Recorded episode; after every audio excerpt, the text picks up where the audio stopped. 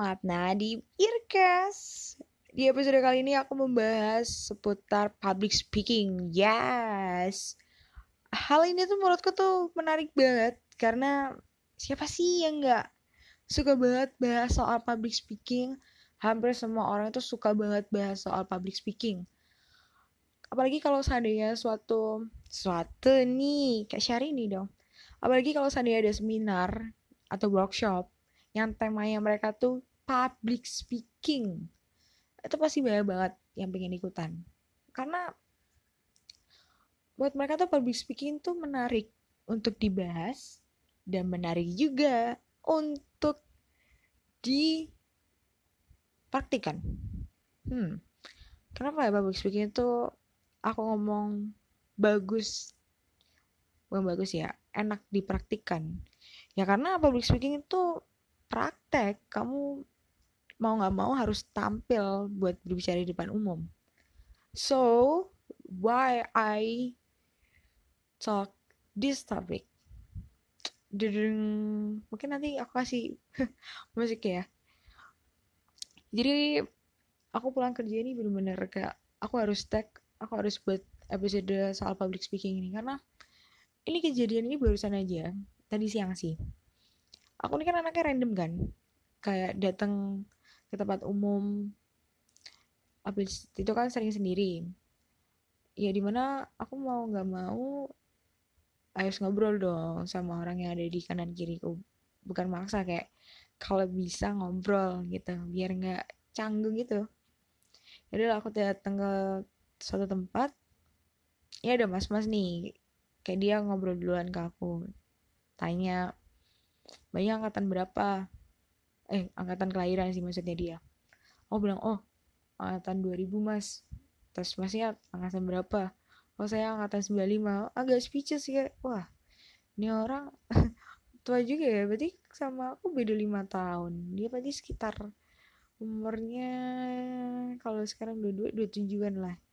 Ya segituan. Ya udah kita ngobrol lah. Kayak aku tanya soal masih kuliah atau kerja terus dia jawab dia lagi kuliah sambil kerja kerjanya dia nih ada bisnis. Jadi dia tuh bangun bisnis lah.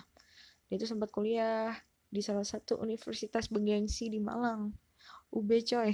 Dan dia ngambil jurusan HI aku bilang kayak wah keren banget HI HI kan di pikiranku kayak anak-anak yang belajar soal internasional. Terus speaking mereka tuh bagus. Bahasa Inggrisnya mereka juga dia cerita lah.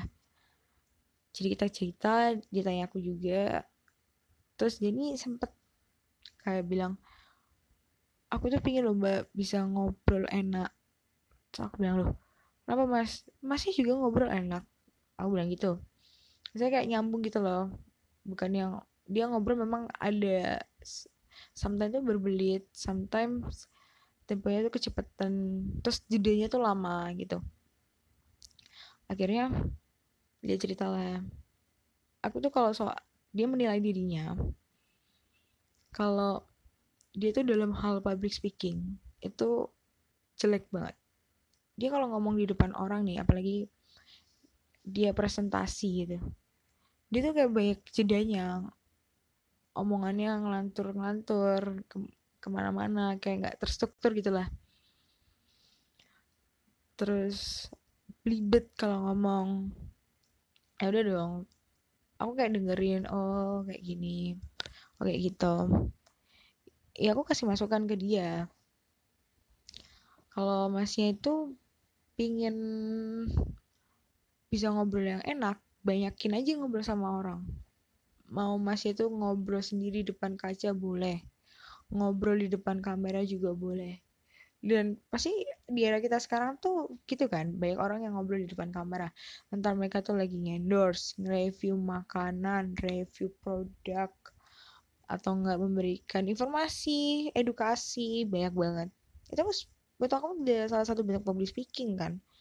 Banyak karena public speaking itu seingat seingat aku di mana kegiatan mereka adalah untuk penyampaian pesan.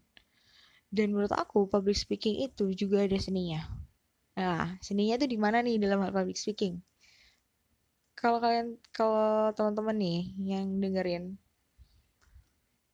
penyiar-penyiar ini kan punya ciri khas entah itu dari vokal suaranya kayak paling gampang adalah contohnya Nikta Gina Nikta Gina ini terkenal suaranya adalah cempreng nah seninya Nikta Gina dalam suara dan public speaking adalah suaranya dia cempreng. Itulah keunikannya. Unik adalah sebuah seni. Terus kayak salah satu host kondang yaitu Dave Hendrik dalam public speakingnya menurut aku dia bagus. Tertata rapi temponya juga gak terlalu cepet temponya juga gak terlalu lambat. Pokoknya kalau kita dengerin Dev siaran gitu udah ciamik gitu lah. Dan aku kasih masukan banyakin aja mas ngobrol. Bayangin aja buat ngobrol sama video buat video. Dan juga kalau saya masnya kan ngerasa kamu belibet itu sebenarnya masnya harus paham. Ketika ngobrol itu aku paling nyaman itu di tempo mana? Karena dalam untuk kita berbicara ya. Singkatnya itu ada tiga tempo. Ada tempo lambat sedang dan cepat. Ya dong. Kita punya teman kalau ngobrol itu lambat ada yang tipenya sedang. Dan juga kita punya temen ada yang ngobrolnya cepet banget. Sampai dia ngobrolin itu kita kayak hah? Apa? Ya karena itu otak kita tuh nggak bisa nangkep omongannya dia yang terlalu cepet karena aku tuh punya teman kayak gitu dia kalau ngobrol cepet banget. Selalu sampai dia tuh ngobrolin apa? Ini teman teman kerja gue ya. Dia tuh ngobrolnya cepet hah? Apa? Aku sampai kayak gitu. Sampai artikulasinya pun juga kurang jelas. Itu yang bikin aku kayak hah? Apa? Sampai dia tuh pernah marah kayak kok lucu? Haho haho. Terus aku bilang kayak aku protes. Aku haho haho karena kamu tuh ngomongnya cepet terus kamu ngomong apa? Artikulasimu tuh nggak jelas. Aku ngomong gitu kan.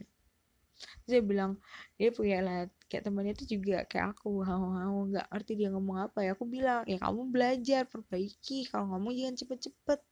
Temponya sedengin lambatin. Terus kata per kata itu belajar lagi artikulasinya. Cila kayak udah jadi mentor aja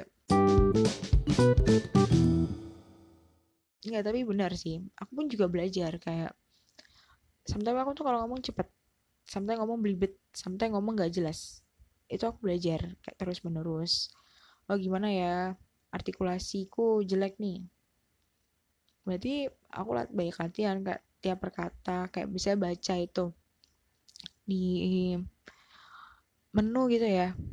Kayak nih contohnya americano jadi aku ngomongnya pelan americano. Sambil aku ucapin biar artikulasinya tuh jelas. Udah kan? Ya aku balik lagi nih sama ceritaku tadi. Terus sampai kesenggol nih. Udah aku sharing sama dia. Terus dia juga sharing ke aku. Dia kalau soal public speaking memang kurang baik. Tapi soal analisis data dan menulis dia jago. Aku bilang ya udah mas asa aja. Dan yang kedua setiap orang tuh pasti punya kekurangan. Nggak harus satu orang tuh harus bisa menguasai semua yang enggak dong. Makanya kenapa manusia itu disebut makhluk sosial? Ya karena mereka membutuhkan orang lain untuk membantu dia. Karena manusia itu nggak sempurna coy. Manusia itu pasti punya kekurangan. Yes itu benar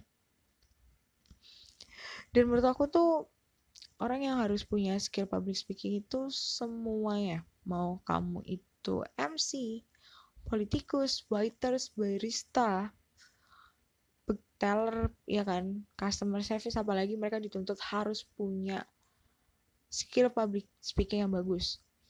Terus apalagi nih penjual koran. Yes kenapa aku bilang mereka harus punya public speaking? Karena mereka sales menjual produk. Nah mereka harus bisa menyampaikan dong produk mereka dengan baik apa ini produk yang mereka jual? Apa produk yang mereka tawarkan? Benefit apa ketika kamu bisa punya produk yang mereka tawarkan? Kayak gitu. Terus seorang barista. Karena aku kerja jadi sebagai sebagai barista ya. Kenapa aku ngerasa public speaking itu penting? Ketika customer itu datang ke kita terus dia tuh bingung mau pesen apa nih? Kita pasti tanyain tanyain mau pesen apa minumannya seperti apa yang pingin dia minum hari ini. Ngobrol itu sudah salah satu public speaking salah satu seni. Nah kalau seni kamu pingin punya aduh kok punya ya? Kalau kamu pingin kayak kamu waktu ngobrol itu kayak ada logat-logatnya mainin nada itu juga bisa. Aku pernah pernah lihat uh, beri, berita sama lihat video TikTok salah satu penyiar Gen FM di Jakarta namanya Ryan Ryan Zah kan anaknya Raffi Ahmad sama Nagita. Ralin Syah atau Ryan Sah gitu. Aku lupa cewek dia. Dia tuh ngajarin kayak gimana sih biar kamu ngobrol itu ada nadanya. Dia tuh ngajarinnya waktu kita nyebutin abjad kayak A B C D E F G bla bla bla. Nah ketika ketika kita nyebutin abjad pakai nada itu juga kita mainin nada kita belajar nada juga biar kita ngobrol atau berbicara di depan umum itu nggak boring kayak flat aja ada tuh kayak seninya, hiburannya, entertainnya. Karena kita mainin nada. Jadi orang-orang itu yang dengerin bisa masuk info informasinya ke mereka. Dan juga mereka betah dengerin kita ngobrol. Kayak gini nih salah satunya. Kenapa aku mainin nada dan kenapa aku kasih jeda? Jadi aku pingin ketika teman-teman dengerin podcast aku, kalian tuh nggak ngerasa, oh aku udah dengerin podcastnya Atna tuh lama banget ya. Aku nggak pingin kayak gitu. Aku nggak pingin kalian boring dengerin podcast aku. Aku pingin inti dari podcast aku yang aku ceritain ke teman-teman itu masuk